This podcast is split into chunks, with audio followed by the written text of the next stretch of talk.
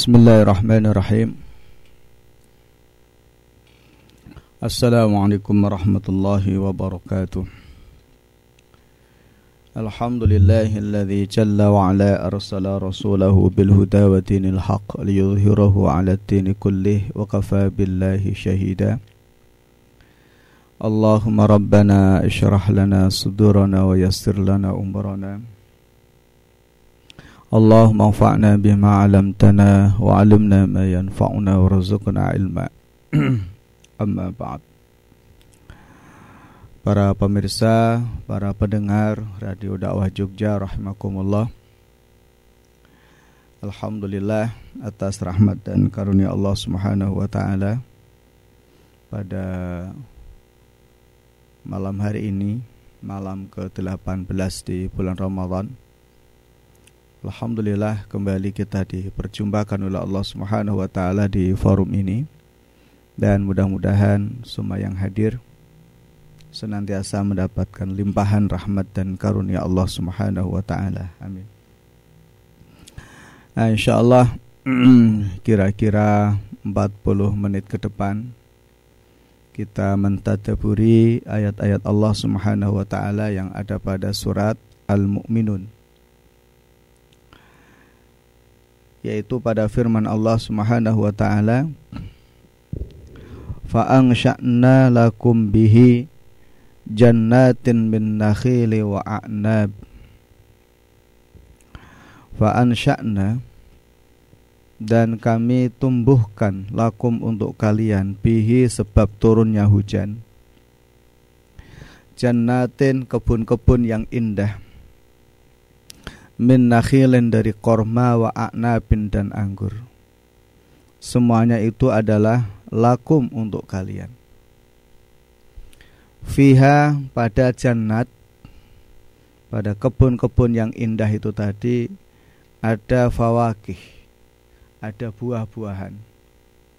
Kasiratun yang banyak. Wa minha dan di antara buah-buahan itu tak kulun yang kalian makan dan juga wasyajarotan Allah tumbuhkan untuk kalian syajarah yaitu pohon-pohon. Yang mana syajarah itu takhruju keluar min turisaina dari bukit Tursina. Tambutu yang tumbuh biduhni yaitu minyak. Ya minyak wasibghin dan penyegar lil akilin bagi orang-orang yang makan. Wa inna dan sungguh lakum bagi kalian fil an'ami pada hewan ternak la'ibrah itu ada pelajaran. Nusqikum kami memberikan minum kepada kalian mimma fi butuniha dari apa yang ada di dalam perut hewan tersebut. Walakum dan bagi kalian fiha pada hewan itu manafi' kasirah, manfaat-manfaat yang sangat besar. Wa minha dan juga di antara hewan ternak itu tak kulun dagingnya kalian makan. Wa alaiha dan di atas hewan ternak tersebut. Wa alal fulki ya, dan juga di atas al fulk ya tuhmaluna hewan-hewan itu dibebani beban-beban untuk memikul. Baik para pemirsa rahmakumullah Beberapa ayat ini masih sambungan dengan ayat sebelumnya Yaitu tentang nikmat dan karunia Allah subhanahu wa ta'ala. Ayat sebelumnya menyampaikan Wa anzalna minas sama'i ma'am biqadar Wa askannahu fil ard Wa inna ala dhahabim bihi laqadirun jadi atas kuasa Allah Subhanahu wa taala bumi tanah yang ada di bumi ini bermacam-macam. Ada yang subur, ada yang tidak subur. Ada yang bisa menumbuhkan tumbuh-tumbuhan dan ada yang tidak. Semuanya itu adalah ayatun min ayatillah. Tanda di antara tanda kebesaran Allah Subhanahu wa taala. Nah, di sini Allah cerita tentang fa angsya'na lakum bihi jannatin min nakhil wa a'nabin lakum fiha fawakih. ada di antara tanah yang tersiram oleh hujan itu bisa menumbuhkan tumbuh-tumbuhan. Ya, yang lebat, yang indah, yang memiliki kesegaran ketika orang memandang. Dan juga memiliki hawa yang sejuk ketika orang itu ada di sekelilingnya. Nah, di antara tumbuh-tumbuhan yang Allah tumbuhkan yang bisa bermanfaat bagi manusia adalah nakhlun wa a'nab wa inab yaitu korma dan anggur. Nah, di dalam ayat ini Allah Subhanahu wa taala menyebutkan secara spesifik khusus yaitu korma dan anggur. Nah, sementara di kalimat berikutnya Allah juga menyebutkan fiha fawakihu kasirah dan juga ada buah-buahan yang banyak selain anggur dan korma. Nah, para ulama tafsir menjelaskan di dalam ayat ini secara khusus Allah menyebutkan dua buah yaitu buah korma sama buah anggur. Karena memang kedua buah ini memiliki nilai manfaat yang sangat besar bagi seseorang. Ya, memiliki nilai manfaat yang sangat besar. Nah, dan itu juga menjelaskan tentang keutamaan kedua buah tersebut, yaitu korma dan anggur. Dan memang selama ini kita juga bisa memahami anggur ini di, di antara buah-buahan itu memiliki apa? derajat prestis yang tinggi. Ya. Jadi kalau misalkan ada semangka di samping disandingkan dengan anggur gitu, tetap yang prestis itu apa? Anggur. Ya. Begitu juga ketika ada semangka, ada jambu, ada mangga lah gitu ya. Terus di situ ada anggur itu tetap orang akan melihat yang prestis itu adalah apa? Anggur. Allah alam bisawab. Tapi begitulah gitu. Ya, itu karunia Allah Subhanahu taala yang sangat besar. Ya. Dan ketika Allah bicara tentang fawakih buah ini, itu tidak hanya anggur dan korma semata. Banyak buah-buahan yang Allah tumbuhkan di alam maya pada ini. Di atas bumi ini, Masya Allah. Kalaupun toh kita menghitungnya kita tidak sanggup untuk menghitung. Ya. Tetapi para pemirsa rahmatullah coba panjenengan renungkan buah apa yang paling enak di antara semua buah itu? Ya kan? Semua orang pasti akan sepakat buah yang paling enak itu adalah buah tangan ya itu paling enak adalah buah tangan itu mangga tetap nggak enak Ya, tapi kalau buah tangan, oh enak. Anggur itu nggak enak. Tapi kalau buah tangan, oh enak. Nah, gitu. Jadi masya Allah. Jadi buah yang paling enak adalah buah tangan. Jadi jadi itu sesuatu yang sangat menyenangkan bagi kehidupan manusia ya. Apalagi menjelang Idul Fitri banyak orang yang memberi buah tangan dan banyak orang juga yang menerima buah tangan gitu masya Allah. Jadi dia. Jadi ini sesuatu yang sangat indah yang Allah karuniakan dalam kehidupan umat manusia itu ya. Nah, yang menariknya lagi adalah di dalam ayat itu Allah Subhanahu wa taala menjelaskan lagi wa minha takulun. Ya.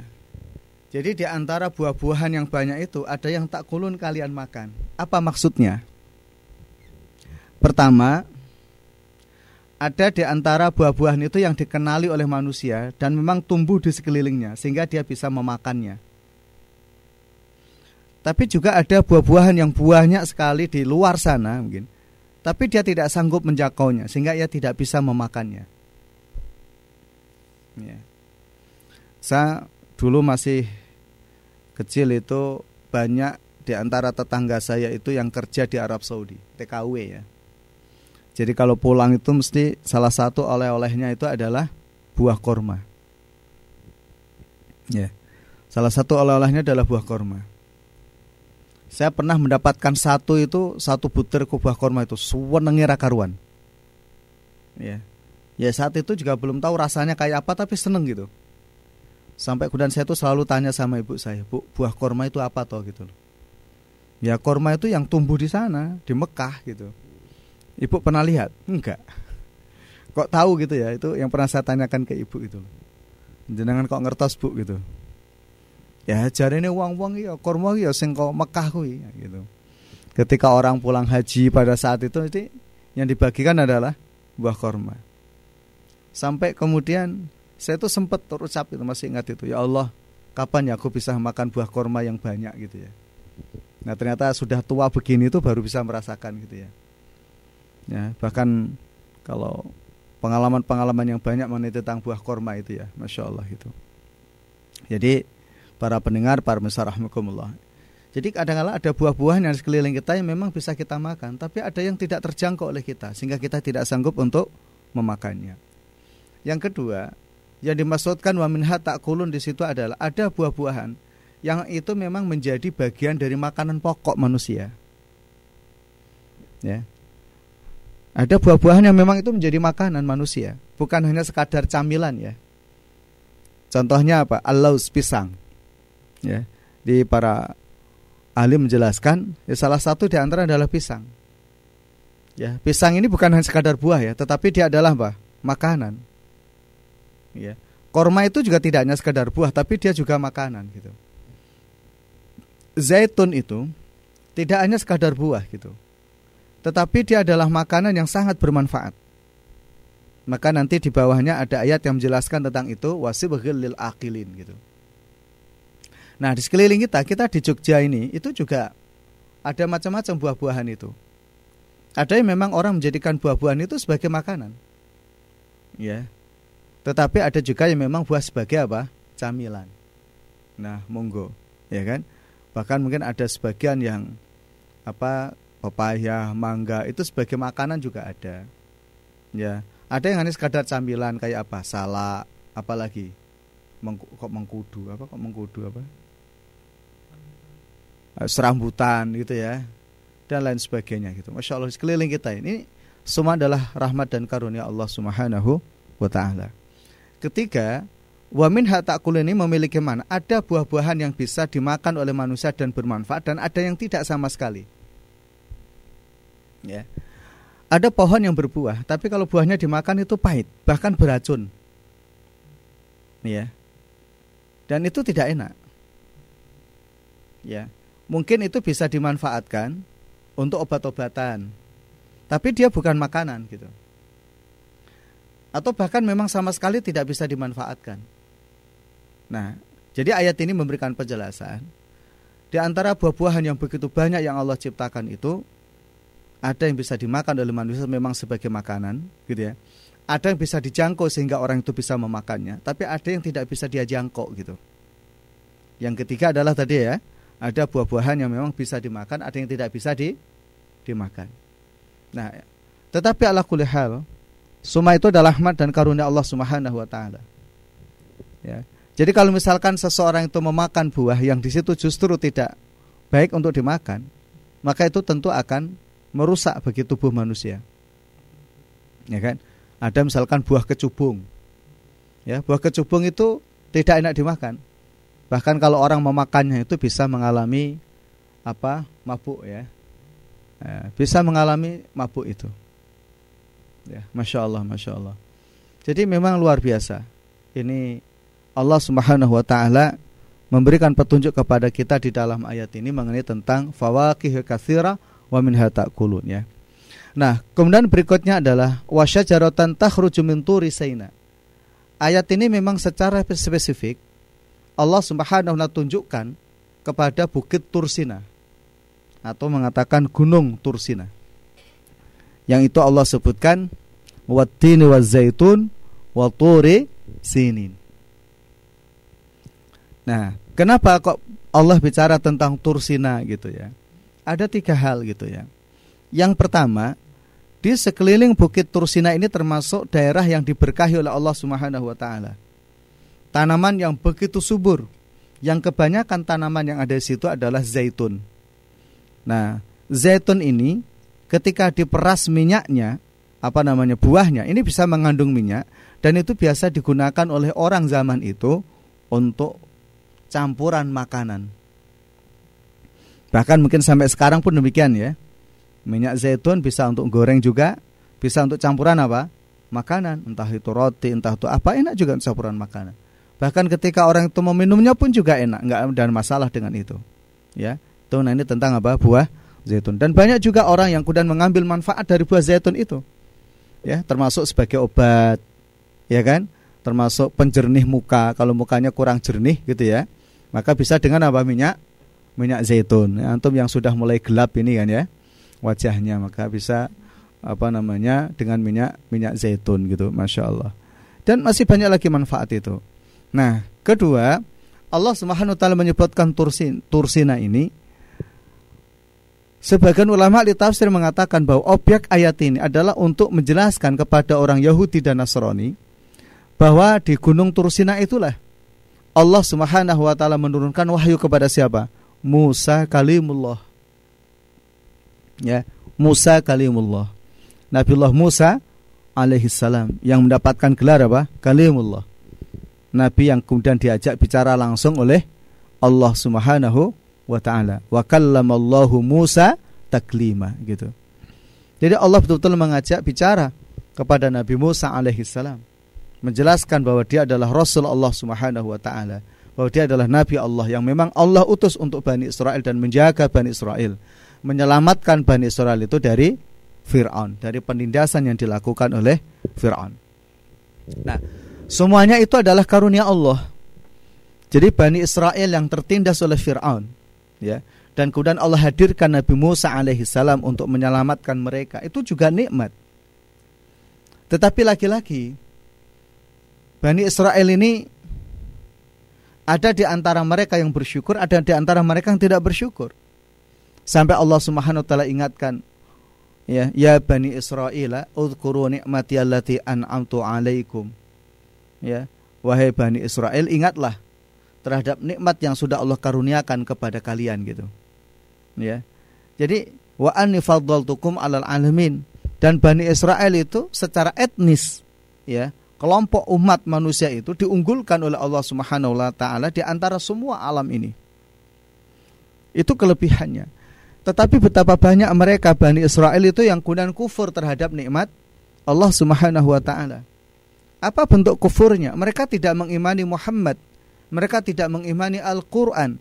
Justru kemudian mereka mengingkari kenabian Muhammad dan mengingkari Al-Qur'an. Muhammad sallallahu alaihi wasallam adalah sebagaimana pula Nabi Musa. Al-Qur'an adalah sebagaimana pula juga Taurat, Injil dan Zabur. Tapi justru mereka Bani Israel itu mengingkarinya. Nah, sehingga ayat ini adalah juga sekaligus sebagai teguran oleh Allah terhadap Bani Israel agar mereka ingat kembali terhadap nikmat Allah Subhanahu wa taala yang begitu besar yang Allah limpahkan kepada mereka. Ya, Allah kirim Nabi Musa untuk menyelamatkan mereka dari Bani Israel. Ya, Allah kasih makanan yang terbaik. Ya, bahkan ketika Bani Israel itu keluar dari kejaran Firaun, ya berada di satu tih lembah yang luas yang mereka tidak tahu ini utara, selatan, barat atau mana gitu. Selama beberapa hari ada yang mengatakan 40 hari. Di waktu itu Allah Subhanahu wa taala menurunkan makanan yang paling terbaik yaitu wa anzalna minas manna wasalwa. Jadi Allah turunkan makanan yang terbaik apa itu? Manna dan salwa. Tapi lagi-lagi mereka orang Yahudi itu nggak puas dengan nikmat Allah yang seperti itu. Sampai kemudian dia meminta kepada Nabi Musa, ya, supaya kemudian apa? Allah menumbuhkan tumbuh-tumbuhan. Wa adasiha wa basoliha gitu ya. Ada bawang merah, bawang putih, ada adas dan sebagainya gitu. Dan mereka mengatakan, La nasbiru ala ta'amin wahid. Hei Musa, kami tidak sabar makanan kok cuman ini gitu. Padahal mana dan salwa itu adalah apa? Makanan yang terbaik yang Allah kirimkan dari sorga gitu. Tapi begitulah manusia gitu. Manusia ini banyak ingkarnya kepada Allah Subhanahu wa taala. Ya, ingkar terhadap apa? Nikmat. Innal insana li lakanut. Jadi manusia ini masya Allah begitu besar ingkarnya kepada Allah Subhanahu terhadap nikmat yang sudah Allah karuniakan kepadanya. Kadangkala manusia itu sudah dikasih nikmat oleh Allah satu itu masih kurang, pengen nambah dua, tiga, empat, lima, enam dan seterusnya. Ya, sehingga kemudian muncul ketamakan yang luar biasa di dalam diri manusia tamak terhadap nikmat Allah sehingga tidak ada lagi rasa syukur ya terhadap Allah Subhanahu wa taala. Nah, kembali ke sini tadi ya tentang wasyajaratun takhruju min turi sena. Tambutu bituhni wasibghil akilin tadi. Jadi di antara sekitar Bukit Tursina tadi, Allah tumbuhkan pohon-pohon zaitun tadi, ya. Pohon-pohon zaitun yang indah yang bagus. Nah, sehingga kemudian buah zaitun itu bisa diperas dan kemudian mengeluarkan apa? minyak dan itulah yang mereka gunakan wasibghil lil akilin. Ya. Jadi menggelontorkan untuk orang makan. Maksud itu campuran. Jadi orang dulu makan roti, campurannya adalah apa? Zaitun supaya nyaman orang itu makan dan menemukan kenikmatan yang luar biasa orang itu makan. Tapi lagi-lagi mereka orang-orang Yahudi ya, mereka yang beragama Yahudi, mereka yang beragama Nasrani, ya kan? Mereka kafir Quraisy itu. Mereka tahu itu semua tentang nikmat dan karunia Allah Subhanahu wa taala. Tetapi mereka tetap kufur terhadap nikmat dan karunia Allah Subhanahu wa taala. Masih lagi Allah tambahkan nikmat itu Wa innalakum fil an'ami ibrah. Sungguh ya, hewan ternak, an'am itu hewan ternak. Ya, yang meliputi onta, sapi dan kambing. Itu masuk dalam kategori apa? An'am. Kenapa masuk kategori an'am? Ada tiga pengertian. Pertama, an'am ini satu suku kata dengan kata nikmat, enak. Jadi memang daging dari ketiga hewan ini, onta, sapi dan kambing, itu memang daging yang dagingnya dimanfaatkan. Untuk apa? Dimakan. Ya, untuk dimakan gitu. Kedua, disebut an'am karena di antara ini sapi dan onta itu bisa dijadikan kendaraan. Sehingga mereka juga menikmati itu. Ya, menikmati itu sebagai kendaraan. Ya. Nah, kemudian yang ketiga, An'am karena itu adalah kenikmatan. Orang itu kalau sudah punya onta itu, masya Allah ya. Orang kalau sudah punya onta itu kayak wong sing paling sugih. Sampai Rasulullah mengatakan begini, La iyahdiyallahu rajulan wahidan khairun laka min humurun ni'am. Ya, seandainya engkau bisa memberikan petunjuk satu orang yang Muhammad, nah gitu kan. Maka kemampuan untuk memberikan petunjuk itu jauh lebih baik daripada apa? Onta yang harganya sangat sangat mahal itu. Jadi kalau orang itu punya onta itu seakan-akan di rumah itu sebuah kekayaan yang melimpah gitu. Ya, karena apa? Manfaatnya banyak onta itu, bisa diambil susunya, bisa diambil dagingnya dan bisa dijadikan apa? kendaraan. Jadi multifungsi. Ya, multifungsi. Sebagaimana juga sapi, sapi bisa diambil dagingnya, bisa untuk membawa barang juga. Ya kan? Ya terus kemudian susunya juga bisa diperah. Kambing juga begitu dagingnya bisa diambil susunya bisa diambil. Jadi semuanya itu adalah an'am yang la'ibrah banyak pelajaran yang Allah munculkan di situ. Maka sampai kemudian Allah juga di ayat lain agar kita kemudian mentadaburinya ya mentadaburi. Afala yang zuruna ilal apakah mereka itu tidak memperhatikan bagaimana onta itu diciptakan oleh Allah Subhanahu wa taala. Ya. Bagaimana Allah Subhanahu wa taala itu menciptakan onta gitu. Jadi itu adalah karunia Allah Subhanahu wa taala yang sangat besar. Tapi lagi-lagi manusia ini adalah banyak ingkar terhadap nikmat dan karunia Allah Subhanahu wa taala. Ya. Baik, kemudian nuskikum mimma fi butuniha. Nah, di sini.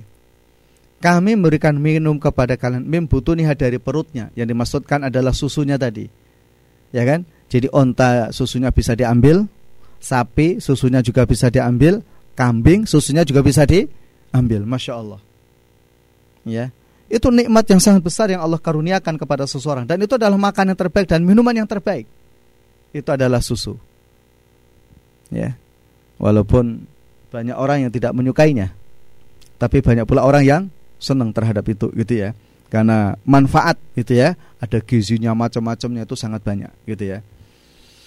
Nah, bisa diambil dari itu dan walakum fiha manafi katsirah. Ya, hewan ternak itu banyak manfaatnya. Wa minha takulun dan di antara mereka kalian makan. Itu tadi dagingnya. Ya, wa alal wa alaiha wa alal fulki tuhmalun. Jadi hewan-hewan ini tadi dagingnya bisa diambil, susunya bisa diambil dan bisa dijadikan apa? kendaraan. Masya Allah. Itu nikmat yang luar biasa Ya, kalau di ayat lain Allah katakan begini wal khayla wal bighala wal hamira litarkabuha wa zinah wa yakhluqu ma la ta'lamun. Jadi Allah menjadikan juga kuda itu sebagai kendaraan. Keledai, bighal, khimar, ya. Itu juga bisa jadi apa? kendaraan. Wa yakhluqu ma la ta'lamun dan Allah akan menciptakan itu apa yang tidak diketahui oleh siapa? Manusia. Nah, para pemirsa, para pendengar rahimakumullah.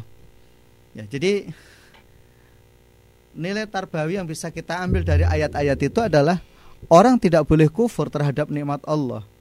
Bahwa di setiap penciptaan itu ada karunia Allah Subhanahu wa taala yang sangat besar.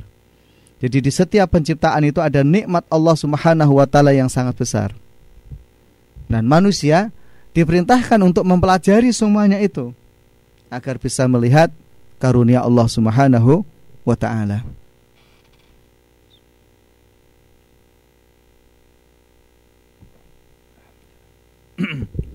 Baik. Kita masuk ke ayat berikutnya. Walaqad arsalna Nuhan ila qaumihi faqala ya qaumi ibudullaha ma lakum min ilahin ghairuh afala tattaqun فقال الملأ الذين كفروا من قومه ما هذا إلا بشر مثلكم yuridu an yatafaddala 'alaikum walau syaa Allahu la anzala malaikah ma sami'na bihadza fi ahbainal awwalun in huwa illa rajulun bihi jinnatun fatarabbasu bihi hatta khin qala rabbi ansurni bima kadzabun Walakot arsalna dan sungguh kami mengutus Nuhan Nuh ila qaumihi kepada kaumnya. Faqala dan kemudian Nuh berkata, Ya qaumi wahai kaumku, U'budullaha sembahlah Allah. Malakum tidak ada bagi kalian min ilahin dari sesembahan ghairuhu selain Allah. Afala tattaqun? Apakah kalian tidak bertakwa kepada Allah Subhanahu wa taala? Baik, para pendengar, para pemirsa rahimakumullah. Apa hubungan ayat walaqad arsalna ini dengan ayat-ayat sebelumnya? Yaitu pada dua tema, satu tentang sifat orang beriman dan kedua adalah tentang ayat-ayat kauni. Baik proses penciptaan manusia atau juga penciptaan alam dan segala manfaat yang ada di dalamnya. Bahwa oleh karena semuanya itu adalah Allah yang menciptakan Allah yang maha mengatur maka seharusnya seseorang itu menyembah kepada Allah Subhanahu wa taala bukan menyembah kepada selain Allah. Nah, mengapa di dalam ayat ini Allah Subhanahu wa taala mengangkat kisah atau cerita tentang Nabi Nuh alaihi salam? Untuk menjelaskan pertama, para pemirsa rahimakumullah, bahwa Muhammad wasallam itu memiliki hubungan yang erat kenabian dengan nabi-nabi sebelumnya. Termasuk adalah Nabi Nuh alaihi salam. Dakwah Nabi Nuh dengan dakwah Nabi Muhammad itu sama. Jadi para nabi ini memiliki tema dakwah yang sama. Yaitu apa? La ilaha illallah. Jadi tidak ada ilah yang berhak disembah kecuali hanya Allah Subhanahu wa taala.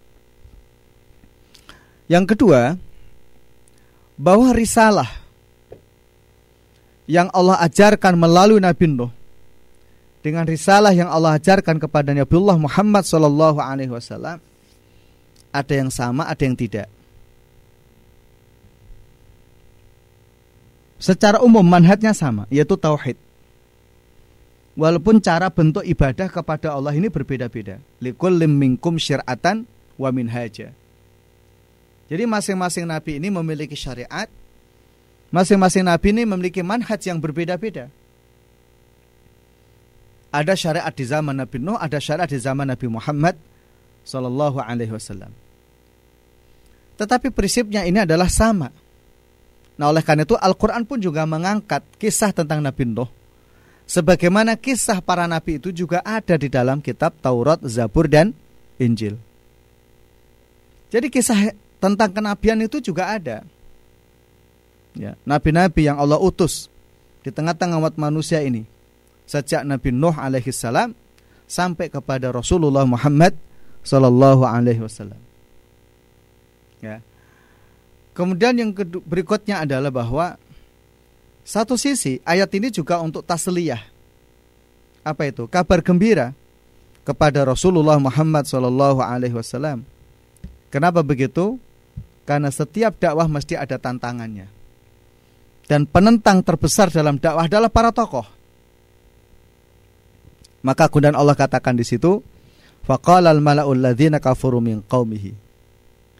Jadi para tokoh dari kaum Nabi Nuh ini yang kafir kepada Allah Subhanahu wa taala, mereka mengatakan, "Mahadza ila basyarum mislukum." Jadi Nabi Nuh ini sama dengan kalian, sama-sama manusia. Tetapi Nabi Nuh ini punya tujuan katanya.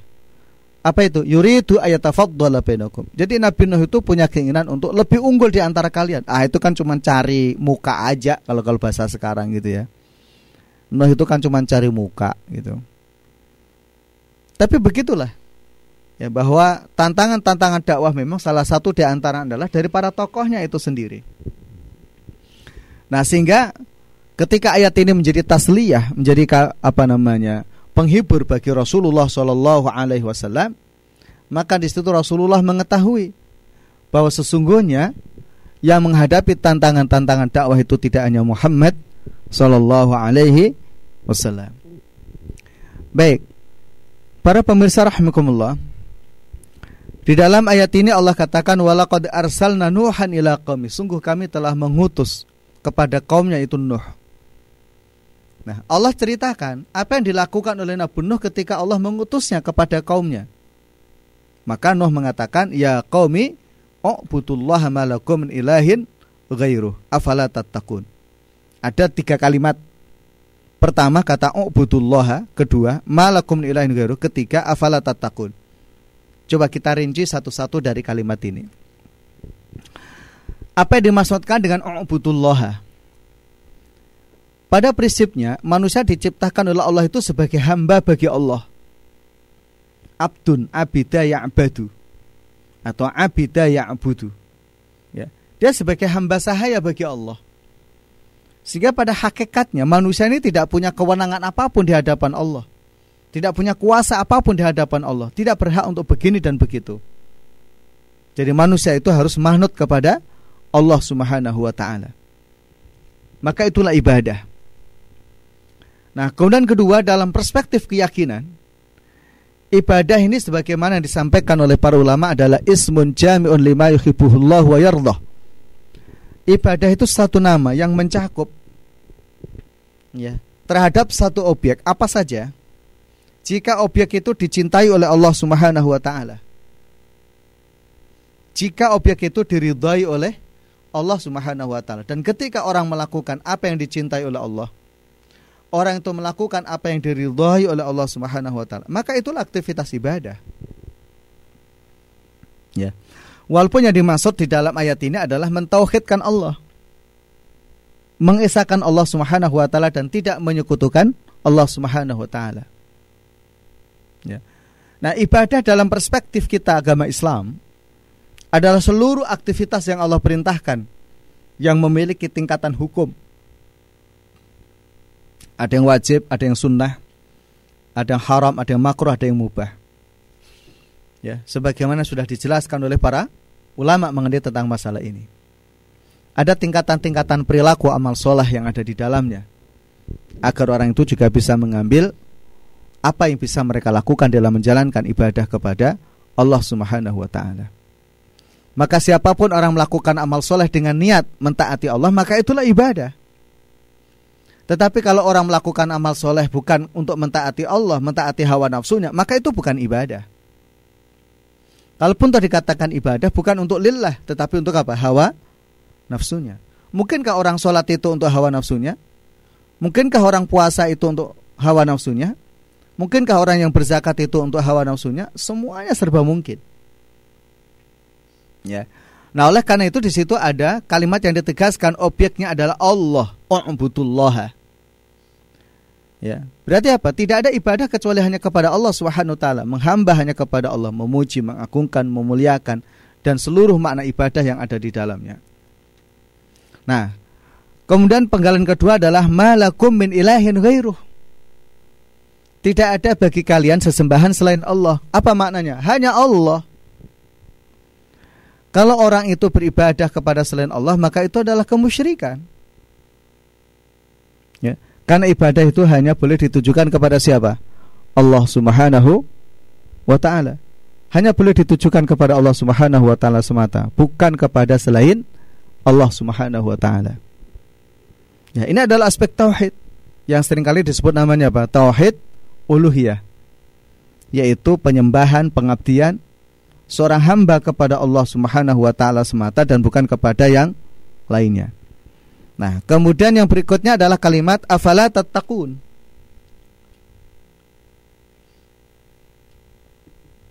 Nah, apakah yang dimaksudkan afala tattaqun di sini? Para pendengar rahimakumullah. Ketika Nabi Musa mengatakan sembahlah Allah dan tidak ada ilah yang berhak disembah kecuali hanya Allah. Maka takutlah kalian menjadi orang musyrik, takutlah kalian menjadi orang kafir gitu takutlah kalian menjadi orang yang menentang ajaran Rasulnya. Karena siapa pun orang yang kemudian menentang ajaran Rasulnya, siapa pun orang yang kemudian keluar dari ibadahnya kepada Allah Subhanahu wa taala, maka dia akan mendapatkan apa? Azab dari Allah Subhanahu wa taala. Ya. Dia akan mendapatkan azab dari Allah Subhanahu wa taala. Nah, sehingga kemudian ini memberikan ketegasan tentang afala tattaqun agar manusia itu menjauhi segala bentuk macam kesyirikan. Manusia itu akan menjauhi segala bentuk macam perbuatan-perbuatan menjadikan orang itu mendapatkan kemurkaan dari Allah. Sungguh berbahaya manakala seorang muslim itu menyembah kepada selain Allah. Sungguh berbahaya ketika seseorang itu mati masih dalam keadaan musyrik. Ya, maka Allah Subhanahu wa taala katakan, "Innallaha la yaghfiru ayyushraka bihi wa yaghfiru ma duna dzalika liman yasha." Jadi Allah Subhanahu wa taala itu tidak akan mengampuni dosa selain syirik. Maaf, Allah Subhanahu wa taala hanya akan mengampuni dosa selain syirik. Kalau orang mati dalam keadaan syirik, itu tidak akan diampuni oleh Allah Subhanahu wa taala. Maka takutlah terhadap kemusyrikan itu, takutlah terhadap perbuatan yang bertentangan dengan Allah Subhanahu wa taala. Karena itu akan mendatangkan apa? Azab ya dari Allah Subhanahu wa taala. Baik. Kemudian ayat berikutnya adalah Faqala al-malu ladzina kafaru min qaumihi ma hadza ila basyarun mislukum. Jadi para kaumnya al-mala itu adalah para tokohnya, para pembesarnya yang disayidkan oleh masyarakatnya. Nah, para tokoh ini kemudian mengatakan kepada Nabi Nuh, "Mahadza illa basyar mislukum." Nabi Nuh ini manusia sebagaimana kalian manusia. Dia melakukan itu hanya yuridu ayatafaddala alaikum. Ya. Dia hanya pingin disanjung aja. Dan memang sampai sekarang. Ya kan? Jika ada anak muda tampil gitu kan? Dan ternyata juga memberikan kesan yang luar biasa. Biasanya tokoh-tokohnya itu mengatakan ah, Itu kan cuma cari panggung aja. Ya supaya dikatakan begini dan begitu. Ya, Sehingga kadangkala di masyarakat ada semacam apa barrel ya antara anak muda dan siapa? Orang tua. Apa hubungannya dengan Nabi Nuh? Iya. Tokoh-tokohnya itu karena menganggap Nabi Nuh itu masih muda nah, sehingga dia katakan ya Nuh itu sama dengan kita kok. Ya kan? Dia bukan orang istimewa. Ya. Kenapa begitu? Nah di situ disebutkan. Ya Walau sya'allahu la anzala malaikah masamina bihadza fi abainal awalun. Jika Allah mau, kenapa Allah tidak mengutus malaikat saja? Nah, ini menarik ini. Ini menunjukkan para tokoh-tokoh itu semakin bodoh. Terbayang nggak oleh kita kalau seorang nabi, seorang rasul itu malaikat gitu? Ya kan? Kalau kebayang itu, gimana kita mengikutinya? Kita bagaimana kita bisa beruswah? Ya kan? Bagaimana kita bisa berkuduah gitu? Kalau ternyata nabinya ini adalah apa? Malaikat. Gimana kita mau makan yang baik? Oh, malaikat nabi ini orang mangan. Gimana mau berkeluarga dengan baik? Gak ada yang dicontoh. Oh nabi ini orang nikah. Ya kan? Dan kalau malaikat itu kan nggak seneng apa-apa. Jadi rojo ya ragelem, mangan ya ragelem, bojo ragelem, terus apa? Apa-apa nggak mau. Karena sifatnya udah berbeda antara malaikat ini dengan manusia gitu. Tapi sungguh rahmat dan karunia Allah Subhanahu wa taala ketika Allah Subhanahu wa taala menjadikan apa? Seorang nabi itu adalah apa? Manusia. Ya. Dulu saya masih ingat ketika belajar tauhid ya di pesantren ya jadi itu yang dijelaskan oleh kiai guru kami gitu. Coba kebayang nggak oleh kalian itu? Ya, kalau nabi dan rasul itu apa? Malaikat gitu. Belas rasa dicontoh bal sama sekali. Ya. Ora disira dicontoh, ora ketok kok nek nyontoh piye? Menyontoh mangan ya ora mangan, nyontoh bojo ya ora kan kan? Nyontoh perang ya ora perang. Jadi kan ora nggak kelihatan semua gitu. Dan susah untuk ditiru. Ya kan? Dan susah ditiru karena nggak punya syahwat. Ya, gimana kita mau menirunya? Nah, tetapi rahmat Allah, Nabi dan Rasul itu seorang manusia sebagaimana kita manusia. Maka Rasulullah Al-Quran mengatakan, Qul innama basyarum mislukum walakin ukhya ilai. Bedanya, saya dengan kalian itu sama, podo menungsane kok. Hanya bedanya, aku diberi wahyu, kalian tidak. Ya. Nah, kembali ke sini tadi ya. Jadi para tokoh itu biasa begitu. Maka tadi saya sampaikan di antara penghalang dakwah yang paling berat itu memang para tokoh. Nah, sehingga ini bagi para aktivis ya untuk bisa mendekati para tokoh paling tidak membuka pintu jalan dalam dakwah ilallah subhanahu wa taala. Ya. Sehingga kemudian ketika para tokoh mengatakan itu ya walau sya'allahu la anzala malaika. Lah kalau Allah mau kenapa tidak menurunkan malaikat saja? Ya kan? Masami'na bihadzal had. Kami tidak pernah mendengar ini kata mereka para tokoh fi abainal awalun. Ya kan? Di leluhur kami dulu nggak ada ini. Oh tiba-tiba ada Nabi Nuh. Memang Nabi Nuh ini adalah di Allah katakan rasul pertama Rasul ya, Rasul pertama setelah Nabiullah Adam alaihi salam. Para sejarah mengatakan Nabi pertama iya Nabi Adam, Rasul pertama Nabi Nuh. Gitu. Karena setelah Nabiullah Adam alaihi salam ada namanya Nabi Syis adalah anak terakhir dari Nabiullah Adam alaihi salam untuk mengganti kenabian ayahnya yaitu Adam alaihi salam. Ya. Syis ini punya cucu namanya Idris. Itulah yang kemudian menjadi nabi. Nah, dia mengatakan itu adalah nabi Nabi Idris. Idris ini punya cucu. Siapa itu? Nabi Nuh alaihissalam. Jadi para tokoh itu mengatakan bahwa seakan-akan Nabi Nuh ini orang baru. Padahal generasi sebelumnya sudah ada nabi yang mengajarkan kebajikan. Ya. Tetapi karena hati mereka tertutup, ya kan dibutakan oleh kesyirikan mereka oleh kekufuran mereka sehingga tidak melihat Nuh sebagai nabi dan utusan Allah Subhanahu wa taala sehingga mereka tetap kufur dalam keadaan kekufurannya itu. Baik ini dulu yang dapat saya sampaikan. Mudah-mudahan ini manfaat. Allah alam besawab InsyaAllah esok kita lanjutkan lagi Tetap surah Al-Mu'minun. Subhanakallah hamdika Asyhadu an la ilaha illa anta astaghfirullah wa atubu ilaik. Assalamualaikum warahmatullahi wabarakatuh